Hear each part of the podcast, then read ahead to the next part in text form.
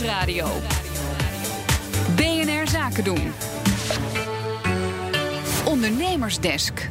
In de ondernemersdesk groei kijken we vandaag ver vooruit. Want in de carrière van iedere ondernemer komt er een punt waarbij je uitgegroeid bent en een opvolger zoekt. Hoe je dat precies aanpakt, dat vraagt Connor Klerks aan Ralf Knechtmans, managing partner bij De Vroet en Cherry. Hoe bepaal je wat voor opvolger bij jouw onderneming Zo, past? Nou, allereerst is het van eh, cruciaal belang dat je inzicht krijgt in eh, de specifieke situatie bij dat bedrijf. In eh, vakjargon noemen we dat de context. En wat betekent context in gewoon Nederlands? Dat je snapt wat de strategie is, welke issues of uitdagingen daar spelen, wat het DNA of het cultuur van dat bedrijf is. En dat moet je dan vervolgens op macro, meso en microniveau bekijken. En dan weet je welke man of vrouw er past bij, eh, bij dat bedrijf in die specifieke situatie en levensfase. Want iemand die eh, ehm, bij een concurrerend bedrijf eh, het heel goed doet, hoeft niet per se een goede opvolger voor jouw bedrijf te zijn? Nee, dat is de mythe van het universele talent. En dat betekent, en in het voetbal begrijpt iedereen dat, hè, dat als je het bij Ajax of PSV heel goed doet, dat je bij eh, Barcelona of eh, Juventus niet helemaal, niet per definitie heel goed eh, hoeft te zijn. Maar in het bedrijfsleven wordt heel vaak aangenomen dat als je een, een topman of vrouw bent bij de ABN, dat je het bij de ING ook heel goed zult doen. En dat hoeft helemaal niet per, per definitie. Dat hangt af van de hele specifieke situatie, het DNA of de cultuur en de, en de strategie en de issues die daar Waar ziet u het vaak misgaan bij opvolgingsvraagstukken? Ja, je ziet het op een aantal vlakken heel vaak misgaan. Eh, A, als de CEO zich overdreven bemoeit met zijn eigen opvolging, gaat het heel vaak mis. Niet in de laatste plaats, omdat ze dan eh, vaak een kloon van zichzelf kiezen. En dat is niet verstandig. Eh, twee, omdat die railers, zoals dat in vakjargon genoemd wordt, onvoldoende meegenomen worden. En die railers kunnen, dat zijn dingen die heel positief kunnen zijn, zoals bijvoorbeeld zelfvertrouwen.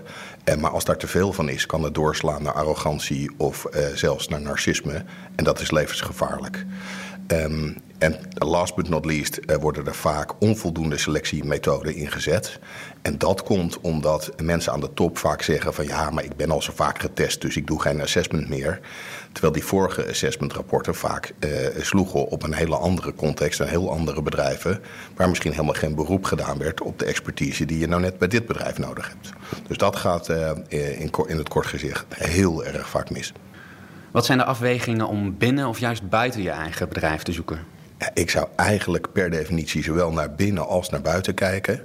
Eh, als je werkt met een zogenaamd criteriumgericht interview, waarbij je van tevoren zes of zeven competenties, persoonskenmerken en eh, als het wat mij betreft eh, heel goed wil doen, ook drijfveren meeneemt die je terug wil zien in die, eh, in die persoon.